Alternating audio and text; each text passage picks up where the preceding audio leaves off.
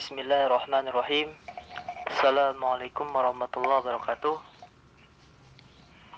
Alhamdulillah segala puji bagi Allah Tuhan semesta alam yang sampai saat ini kita masih bisa diberikan begitu banyak rahmat sehingga kita bisa pada malam hari ini sama-sama bisa mengkaji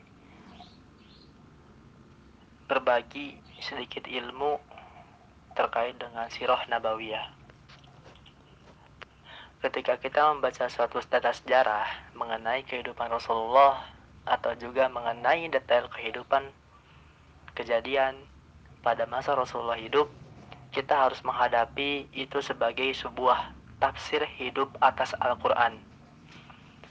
Dengan begitu, kita tahu bahwa segala aspek sirah merupakan implementasi dari Al-Quran. Maka dari itu, yang hendak saya sampaikan adalah bahwa Al-Quran adalah intervensi Allah terhadap kekacauan di muka bumi pada saat itu. Sebab di penjuru dunia gak ada lagi yang mengenal hakikat Allah. Memang di antara mereka ada yang mengetahui satu dua bagaimana Allah itu, tetapi mengenai ibadah dan hal lain tidak ada yang mengetahuinya. Karena kekosongan itu mereka orang-orang menggunakan akalnya sebagai tolak ukur untuk menciptakan suatu agama. Tentu dalam hal ini kemudian kita akan sama-sama membagi fokusan bahasan kita pada malam hari ini tentang pertama bagaimana kondisi dan budaya masyarakat sebelum Islam. Yang kedua, mengapa Nabi Muhammad diutus di Arab. Dan yang ketiga, bagaimana situasi politik sebelum kelahiran Nabi Muhammad SAW. Tentu dari ketiga hal ini kita perlu mengkaji lagi bagaimana letak geografisnya, kemudian bagaimana budaya masyarakat Arab pada saat itu, dan kemudian bagaimana karakteristik masyarakat Arab sebelum adanya Islam. Tentu peristiwa-peristiwa yang melatar belakangi lahirnya Islam itu penting untuk kita kaji karena nggak ada satupun di dunia ini yang terlepas dari konteks historis atau sejarah dengan peristiwa-peristiwa sebelumnya. Artinya, antara satu peristiwa dan peristiwa lainnya terdapat hubungan yang erat dalam berbagai aspek kehidupan, termasuk hubungan Islam dengan situasi dan kondisi Arab sebelum adanya Islam. Yang pertama, terkait dengan kondisi dan budaya masyarakat Arab sebelum Islam, secara garis besar, Jazirah Arab itu dibedakan menjadi dua.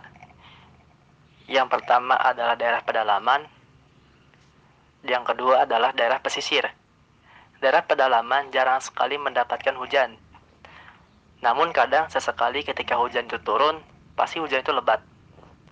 Nah, kesempatan ini demikian biasa dimanfaatkan oleh penduduk-penduduk yang nomadik. Penduduk-penduduk yang dia itu hidupnya berpindah-pindah.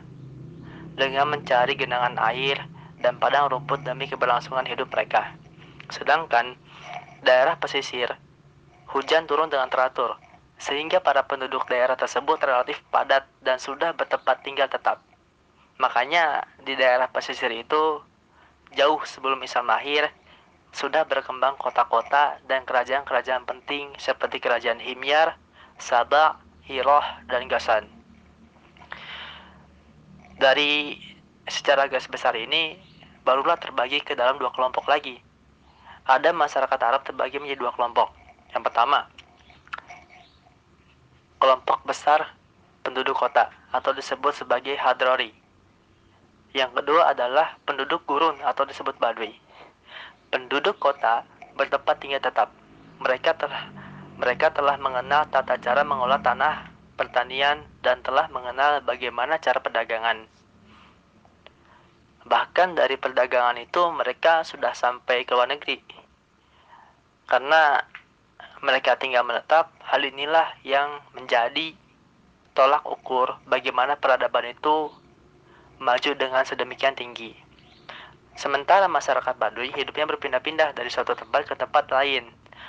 Untuk apa? Untuk mencari air dan padang rumput yang kemudian keduanya itu digunakan untuk binatang gembalan mereka. Karena di antara kebiasaan mereka adalah mengendarai unta, menggembala domba, dan keledai serta berburu dan menyerang musuh. Jadi malah kebiasaan mereka ini menurut adat mereka adalah pekerjaan yang lebih pantas dilakukan oleh laki-laki. Karena itu, karena mereka hidupnya berpindah-pindah, nggak menetap, mereka belum mengenal pertanian, perdagangan. Karenanya mereka hidup berpindah-pindah itu dari suatu tempat ke tempat lainnya untuk mencari kehidupan, baik untuk diri dan keluarga mereka atau untuk binatang ternak mereka. Kemudian dalam perjalanan pengembaraan itu terkadang mereka pun juga menyerang musuh atau menghadapi serangan musuh. Di sinilah baru memulai terjadinya kebiasaan berperang di antara suku-suku yang ada di wilayah Arab. Dalam bukunya Muqaddimah Ibnu Khaldun menganggap bahwa pola hidup Baduy merupakan tahap yang awal daripada kehidupan kota yang menetap. Karena mereka merupakan bentuk peradaban awal. Kehidupan yang cenderung berpindah-pindah dan mereka pun juga hidupnya sederhana secara ekonomi dan biasanya mereka hanya sekedar memenuhi kebutuhan dasar. Kadang mereka sesekali datang ke kota hanya untuk keperluan tertentu, tetapi karakteristik mereka sangat berlainan dengan penduduk kota. Perbedaan karakteristik ini tidak hanya mengacu pada hal-hal yang berkaitan dengan kehidupan ekonomi, tetapi lebih luas daripada itu. Juga berkaitan dengan ilmu, adab, dan tata kerama. Dalam bukunya pun disebutkan Ibnu Khaldun menganggap bahwa orang-orang Baduy itu lebih berani daripada orang-orang kota. Kenapa? Karena penyebabnya satu, penduduk kota itu sifatnya malas dan menyukai perkara-perkara hal yang mudah mereka tenggelam dengan kenikmatan dan kemewahan. Mereka hanya mempercayakan urusan terkait mempertahankan, mempertahankan harta dan diri mereka kepada penguasa. Sementara orang-orang Baduy, mereka hidup mengasingkan dari masyarakat. Mereka hidup liar di tempat-tempat yang jauh di, luar kota dan tidak pernah mendapat pengawasan penguasa. Mereka nggak punya tembok, dan apalagi penghalang sebagai pelindung. Karenanya mereka hidup sendiri. Mereka mempertahankan diri mereka sendiri dan nggak minta bantuan kepada orang lain. Karena pola baduy ini mereka hidup memencil di tengah padang pasir, ditemani keteguhan jiwa dan kepercayaan kepada diri sendiri. Keteguhan jiwa telah menjadi sifat mereka dan keberanian menjadi tabiat mereka Karenanya mereka mempergunakan keteguhan jiwa itu dan keberanian untuk mendengar atau harus lari ketika mendengar teriakan. Dari pola masyarakat ini, nggak bisa dipungkiri bahwa kondisi geografis Arab sangat besar pengaruhnya terhadap kejiwaan masyarakat Arab. Arab sebagai wilayah tandus dan gersang telah menyelamatkan masyarakatnya dari serangan musuh luar. Pada sisi lainnya, Kegersangan ini mendorong mereka menjadi pengembara-pengembara dan pedagang di daerah lain.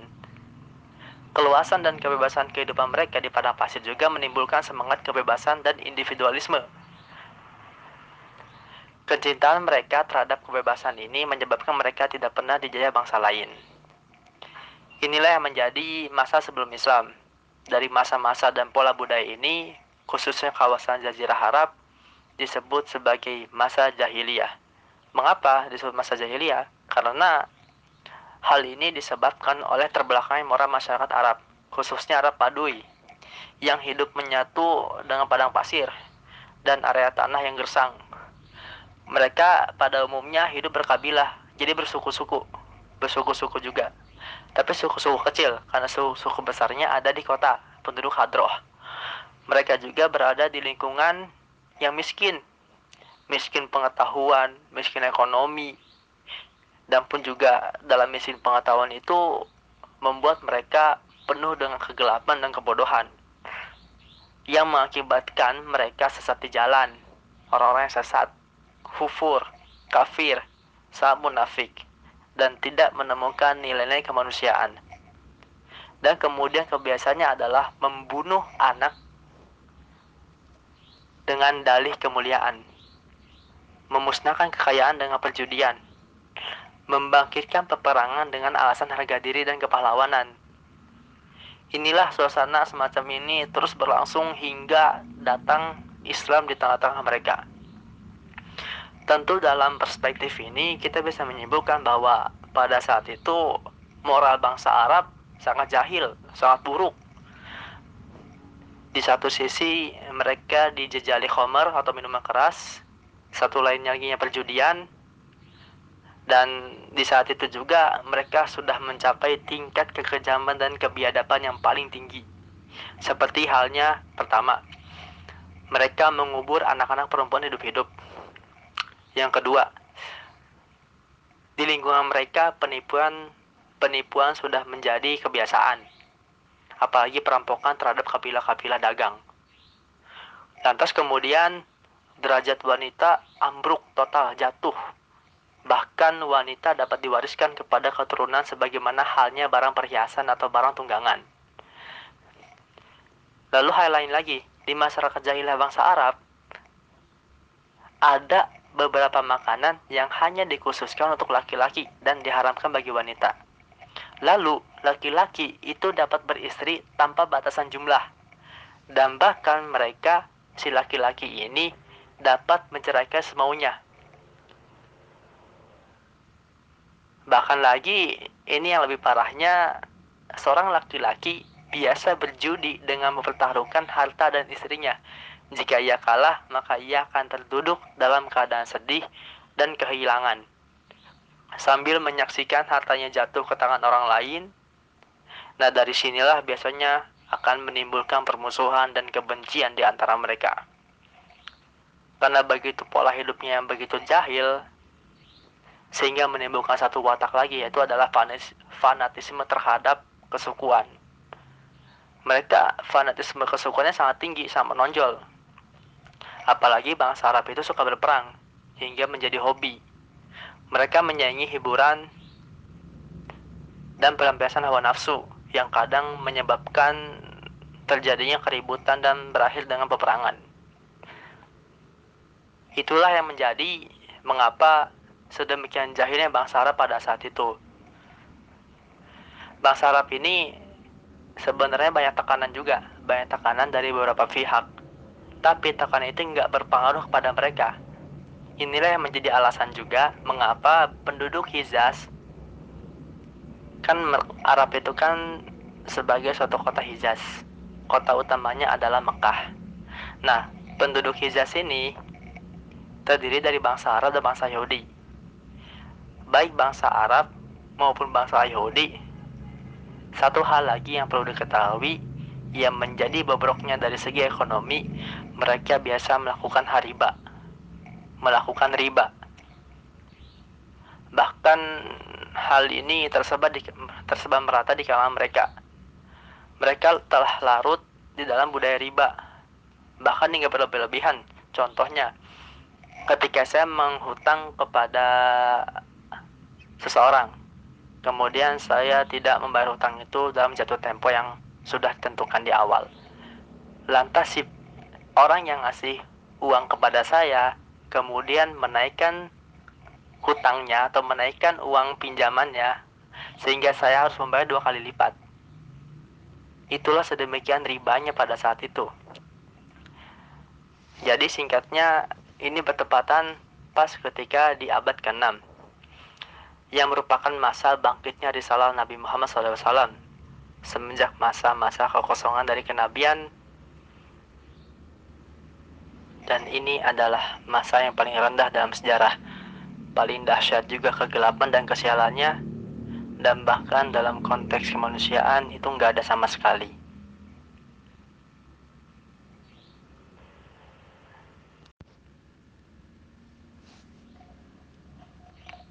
Setelah kita mengetahui bagaimana kondisi masyarakat Arab pada saat itu dan bagaimana karakteristiknya masyarakat Arab sebelum adanya Islam, kita bisa menengok itulah sejahil-jahilnya bangsa pada saat itu. Bahkan kerusakan sudah mulai tampak di muka bumi. Di satu sisi, mulai banyak pertentangan di antara Romawi dan Persia dan agama-agama yang mulai diselewengkan karena atas dasar pola pikir manusia pada saat itu karena mereka mengalami kekosongan Nabi sehingga mereka mulai berkhayal, berkhayal untuk menentukan bagaimana caranya untuk menentukan suatu penyembahan. Dalam hal itulah mereka langsung mulai melakukan suatu pembentukan patung berhala sehingga mereka beribadah sesuai pola pikir mereka, sesuai dengan akal mereka yang senantiasa dijauhkan dari hakikat Allah Subhanahu wa taala. Lantas kemudian ketika kita menelisik kembali sirah nabawiyah, kita boleh mendapati bahwa Rasul kita, Nabi kita, Nabi Muhammad SAW adalah orang Arab. Wilayah kebesarannya pun juga dari Arab, yaitu Mekah dan Madinah. Dan dari cahaya kedua kota itulah mulainya menyebar ke seluruh pelosok Nusantara dan pelosok dunia sehingga kita bisa merasakan sampai ke negeri ini cahaya Islam itu bermuara di hati-hati kita. Sebagian orang yang tidak menyukai Islam mulai mempertanyakan terkait dengan mengapa Nabi Muhammad itu diutusnya di Arab. Dan bahkan dari kita ada yang mulai meragukannya dan bahkan mulai mempertentangkannya. Sehingga saat itulah muncul Islam dibatasi oleh teritorial. Dari situlah pula muncul istilah namanya Islam lokal. Islam Nusantara, Islam Malaysia, Islam Iran, Islam Arab Saudi, dan yang lain-lainnya. Kalau kita mencermati di Quran Surat Al-An'am ayat 124 bahwasanya Allahu a'lamu haitsu yaj'alu risalatah bahwa Allah lebih mengetahui di mana dia menempatkan tugas kerasulannya. Dari petikan ayat ini, kita akan mendapati dua hikmah. Yang pertama, itu adalah hak Allah untuk menentukan siapa dan di mana Rasul itu akan diangkat. Dan bahkan itu juga hak utama Allah untuk menentukan bagaimana nanti ke depannya ketika Rasul itu turun. Yang kedua, tentu ketika mulai banyak mempertanyakan mengapa Rasul terakhir diutus di Arab, ini akan menjadi media pembelajaran kita dan media analisa kita. Namun tetap saja, analisa yang kita pakai nanti tetap akan bermuara kepada ayat tersebut. Dan bahwasanya hanya Allah yang mengetahui di mana dia akan menempatkan Rasul itu. Kalau kita pun juga menanyakan apa hikmah terbesarnya, tentu hanya Allah yang tahu tentu kita hanya sebatas menganalisa beberapa hal yang di mana itu yang bisa menjadi harapan kita untuk mendapatkan ilmu-ilmu yang Allah turunkan kepada kita. Kalau kita menganalisa terutama terkait dengan mengapa Nabi Muhammad diutus di Arab itu harus bermuara pada ayat tersebut kembali lagi bahwa ini hanya Allah yang tahu. Kemudian, adapun jika kita menelisik hikmahnya, tentu akan dikembalikan lagi. Sebab ciri-ciri akan datang Rasul terakhir sudah Allah kabarkan pada kitab-kitab Yahudi ketika berada di Khaybar di Madinah. Mereka kaget. Ternyata ciri-ciri Rasul terakhir yang digambarkan di kitab suci mereka datang dari Arab. Dan memang dalam kitab suci Yahudi pun Allah tidak mengabarkan bahwasanya nabi terakhir itu berada di Arab. Kepala ulama sejarah mencoba melakukan beberapa analisa tentang masalah ini. Tentu yang pertama itu dilihat dari masyarakatnya. Masyarakat Arab sebagaimana yang sudah kita cermati di awal-awal kondisi Arab pada saat sebelum adanya Islam terkait dengan masyarakat Arab disebut sebagai masa jahiliyah itu sudah cukup dan pun juga dikuatkan ketika Allah menggambarkan dalam Quran surah At-Taubah ayat 97 Al-Arabu asyaddu kufra wa nifaqa wa ajdaru alla ya'lamu hududama anzalallahu ala rasulih wallahu alimun hakim bahwa orang-orang Arab Badui itu lebih kuat kekafirannya dan kemunafikannya. Dan bahkan Allah gambarkan sedemikian rupa sehingga sangat wajar mereka tidak ada yang mengetahui hukum-hukum yang diturunkan Allah kepada Rasulnya. Tentu kalau kita terisik lebih lanjut hubungan ayat ini dengan pertanyaan tersebut, Allah menciptakan manusia dan Allah pun juga yang lebih tahu keadaan manusia. Dan bahkan contohnya saja ketika kita ingin menempatkan seseorang pada jabatan tersebut, kita nggak akan main-main ketika memilih orang itu untuk menempati posisi tersebut. Dan bahkan kita pun juga tidak akan sembarangan ketika memilih orang untuk menempatkan orang tersebut di dalam amanah itu. Apalagi tugas Allah yang tugas yang begitu besar, yang paling besar selama umat manusia mengemban tugas, itu Allah turunkan kepada Nabi Muhammad sehingga ini menjadi pelajaran bagi kita semua.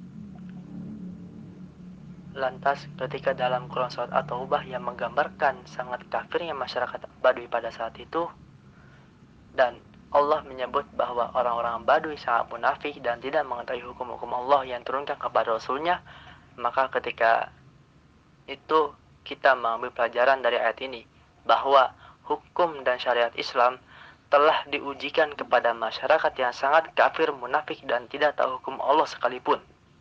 Dan ternyata syariat Islam ini terbukti mampu mengubah masyarakat tersebut dan di antara mereka bahkan muncul pemimpin-pemimpin hebat. Ini hikmah besar.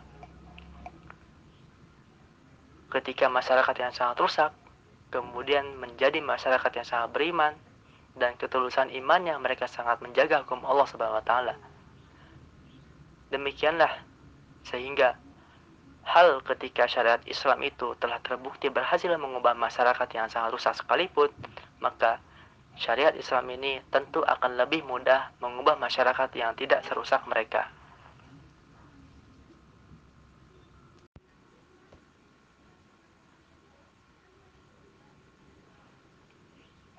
Terkait dengan situasi politik sebelum kelahiran Nabi Muhammad, kita perlu telisik lebih dalam.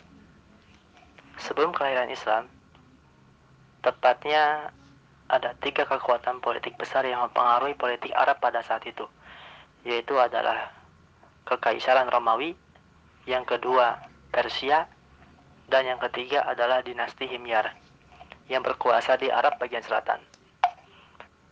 Kekaisaran Romawi ini telah dikuasai sepenuhnya oleh semangat kolonialisme. Bahkan negeri ini terlibat pertentangan agama antara Romawi di satu pihak dan Nasrani di pihak yang lain. Kemudian negeri Romawi ini hanya mengandalkan kekuatan militer dan ambisi kolonialnya dalam melakukan petualangan pembantaian demi mengembangkan agama Kristen dan mempermainkannya sesuai dengan keinginan hawa nafsu yang serakah. Sementara di satu sisi, Kekaisaran Persia yang memeluk agama Zoroaster yang dianut oleh kaum penguasanya. Di antara falsafahnya, di dalam agama Zoroaster ini adalah mengutamakan perkawinan. Perkawinan antara seseorang dengan ibunya, anak perempuannya, atau bahkan saudaranya.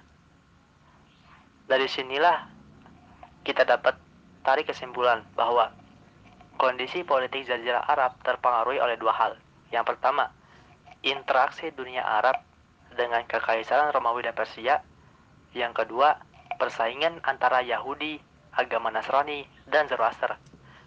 Sementara di satu sisi, bangsa Arab itu tidak terpengaruh apa pun. Mereka hidup dengan tenang, santai, dan jauh dari bentuk keguncangan. Mengapa? Karena mereka tidak memiliki kemewahan seperti dua kekaisaran yang sedang berjaya pada saat itu. Kemudian, bagian dari daerah Arab ada yang belum pernah dijajah. Saya sudah sebutkan di awal. Dan bahkan daerah ini belum pernah diduduki dan dipengaruhi oleh bangsa asing. Bagian ini adalah negeri Hijaz. Mengapa? Karena letak geografisnya adalah negeri yang miskin. Sehingga hal ini gak menarik negara-negara lain untuk menjajahnya. Nah, dari negeri Hijaz ini ada satu kota yang terpenting, yaitu adalah Mekah, kota suci tempat Ka'bah. Ka'bah pada saat itu bukan saja disucikan dan dikunjungi oleh penganut bangsa asli Mekah, tetapi juga orang-orang Yahudi yang bermukim di sekitarnya. Tentu dalam hal ini, sebenarnya model organisasi politik bangsa Arab pada saat itu lebih didominasi oleh kesukuan atau model kabilah, sehingga kepala sukunya disebut sebagai syah, yaitu orang yang pemimpin yang dipilih antara sesama anggota. Lalu syah ini pun juga dipilih dari suku yang lebih tua dan biasanya dari anggota yang masih memiliki hubungan, hubungan famili. Dan kemudian si Syah ini gak punya wewenang memaksa dan dia nggak bisa membebankan tugas-tugas atau mengenakan hukum-hukuman karena hak dan kewajiban hanya melekat pada warga suku secara individual serta hanya mengikat dan tidak mengikat pada warga suku lain. Terus ditambah lagi dengan luasnya jazirah Arab, e, bengisnya alam, lalu dan ganasnya kegersangan, serta sulitnya transportasi dan merajalela kaum Badu yang sangat jahil, yang merupakan faktor-faktor penghalang bagi terbentuknya sebuah negara kesatuan, serta adanya tatanan politik yang benar. Mereka pun juga tidak mungkin menetap. Para-para kaum-kaum Quraisy ini atau Arab-Arab Badui pada saat itu Arab Arab kota, mereka hanya bisa loyal ke kabilahnya saja. Itulah mengapa mereka tidak akan tunduk kepada sebuah kekuasaan politik di luar kabilahnya. Itu pun juga yang menjadikan mereka nggak mengenal konsep negara. Lantas ketika di Mekah, ketika untuk mengamankan mengamankan orang-orang yang datang ke Mekah, tentu orang-orang Quraisy pun juga mengadakan suatu pemerintahan yang mulanya berada di tangan dua suku yang berkuasa, yaitu ada suku Zuruhum dan suku Ismail, sebagai pemegang kekuasaan Ka'bah. Lalu kekuasaan politik ini berpindah ke suku Kuza'ah dan akhirnya ke suku Quraisy di bawah pimpinan Kusoi. Nah, Kusoi ini nanti silsilahnya akan anak-anaknya, keturunannya, yaitu nanti lahirnya Nabi Muhammad SAW. Suku Quraisy ini yang nantinya memegang dan mengatur politik dan juga urusan yang berkenaan dengan Ka'bah. Jadi pada saat itu nanti Quraisy itu sangat berkuasa di sekitaran Mekah. Karena Kusoi ini adalah yang sangat berkuasa terhadap penduduk Mekah. Kusoi ini juga yang mendirikan Darun Nadwah yang menempel di Masjidil Haram. Jadi Darun Nadwah ini pun juga sebagai tempat-tempat kepentingan-kepentingan yang dilakukan oleh kaum Quraisy. Lalu Qusay pun juga menjadikan pintunya menghadap langsung ke Ka'bah yang merupakan rumah Qusay bin Kilab. Lalu Darun Nadwah ini yang dibentuk oleh Qusay sebagai tempat yang pertama bermusyawarah bagi kaum Quraisy, juga sebagai tempat memutuskan hukuman, hukum-hukum bagi masyarakat Mekah dan di tempat itu juga dilakukan berbagai macam kegiatan seperti menikahkan wanita dan lelaki Quraisy, lalu memusyawarahkan sesuatu dan memutuskan peperangan terhadap satu kaum. Dan perintah Qusay ini ketika Qusay masih hidup itu seolah bagikan sebuah agama yang dianut. Jadi nggak ada yang berani membantah, tidak akan nggak ada yang berani menentang pasti akan diperintahkan dan pasti akan dijalankan.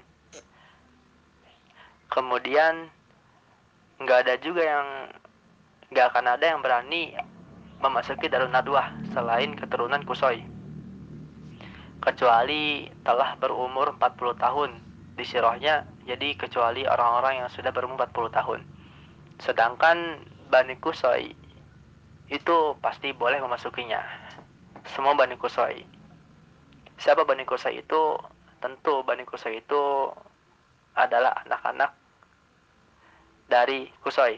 Salah satunya adalah Bani Hashim, Umayyah, Ma'zum, Bani Zum'ah, Sam, dan yang lainnya. Nah, Darun Nadwa ini hanya dikhususkan kepada mereka-mereka. Lantas kemudian, ketika kematian Kusoi, tugas-tugas pemegang pemerintahan di Mekah itu dibagi-bagi kepada bani-bani kepada bani-bani yang diturunkannya tadi. Contohnya Bani Hashim yang bertugas mendapat bagian mengurusi sikoyah yang artinya itu adalah menyediakan tempat-tempat air minum untuk para jamaah haji. Jadi nanti orang-orang itu akan datang minum ke tempatnya sesampai orang itu sampai di Mekah. Kemudian ada Bani Umayyah. Bani Umayyah ini bertugas membawa panji Quraisy. Lalu ada Bani Naufal. Bani Naufal ini mengurusi rifadah, ya rifadah. Rifadah, makanan yang dibuat untuk para jamaah haji sebagai tamu. Jadi ketika orang-orang datang ke Mekah, tentu akan disediakan makanan oleh Bani Naufal ini. Lalu ada Bani Abdiddar yang bertugas mengurusi panji perang.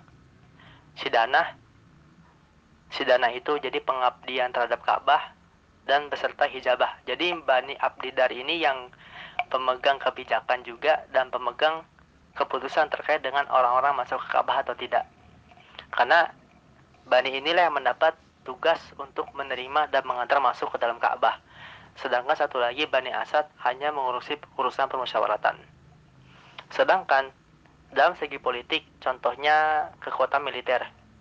Kaum Quraisy ini atau kekuatan militer kaum Quraisy itu sebenarnya hanya mengutamakan perdamaian dan ketentraman dalam segala keadaan. Karena mengapa? Karena keinginan mereka adalah keinginan sebuah bangsa dan masyarakat yang sangat bergantung pada usaha dan hidup dari perdagangan terus dari perjalanan kafilah-kafilah dagang.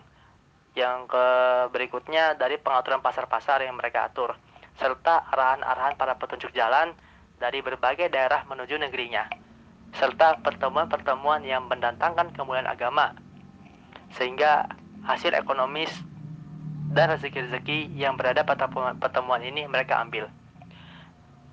Jadi dapat disimpulkan bahwa selama suku Quraisy ini tidak diganggu akidahnya atau keyakinannya atau tidak disinggung emosi spiritualnya, tentu mereka akan mengedepankan prinsip hidup damai. Tapi gak demikian. Kita perlu telah juga. Mengapa? Ternyata kekuatan militer kaum Quraisy itu juga patut diperhitungkan. Karena ingat kembali bahwasanya kaum Quraisy ini adalah masyarakat Arab yang memiliki keberanian yang patut dijadikan contoh. Contohnya apa? Pasukan berkuda kaum Arab, kaum Arab ini begitu terkenal di Jazirah Arab dan sekitarnya. Dan bahkan kekuatan kaum Quraisy ini tidak terbatas pada kekuatan militer saja, tetapi juga dengan kekuatan gabungan dari para suku. Ingat, mereka pun juga adalah dari berbagai suku, kabilah-kabilah. Mereka adalah inti dari suku-suku Arab yang ada di sekitar Mekah seperti suku Kinanah dan suku Khuzaimah dan Mudrikah dan suku Khuza'ah. Suku Khuza'ah ini bahkan yang menyatakan sumpah setia dengan mereka. Tentu dalam hal ini suku Quraisy juga itu banyak sekali anggota-anggotanya. Dan juga di samping itu suku Quraisy juga memiliki sejumlah besar hamba sahaya dan pelayan yang ikut memperkuat barisan perangnya. Suku Quraisy mampu mengarahkan ribuan prajurit, bahkan sampai puluhan ribu Contohnya apa? Seperti dalam Perang Khandaq, yang merupakan kekuatan terbesar yang pernah dikenal dalam sejarah Jazirah Arab pada masa jahiliyah.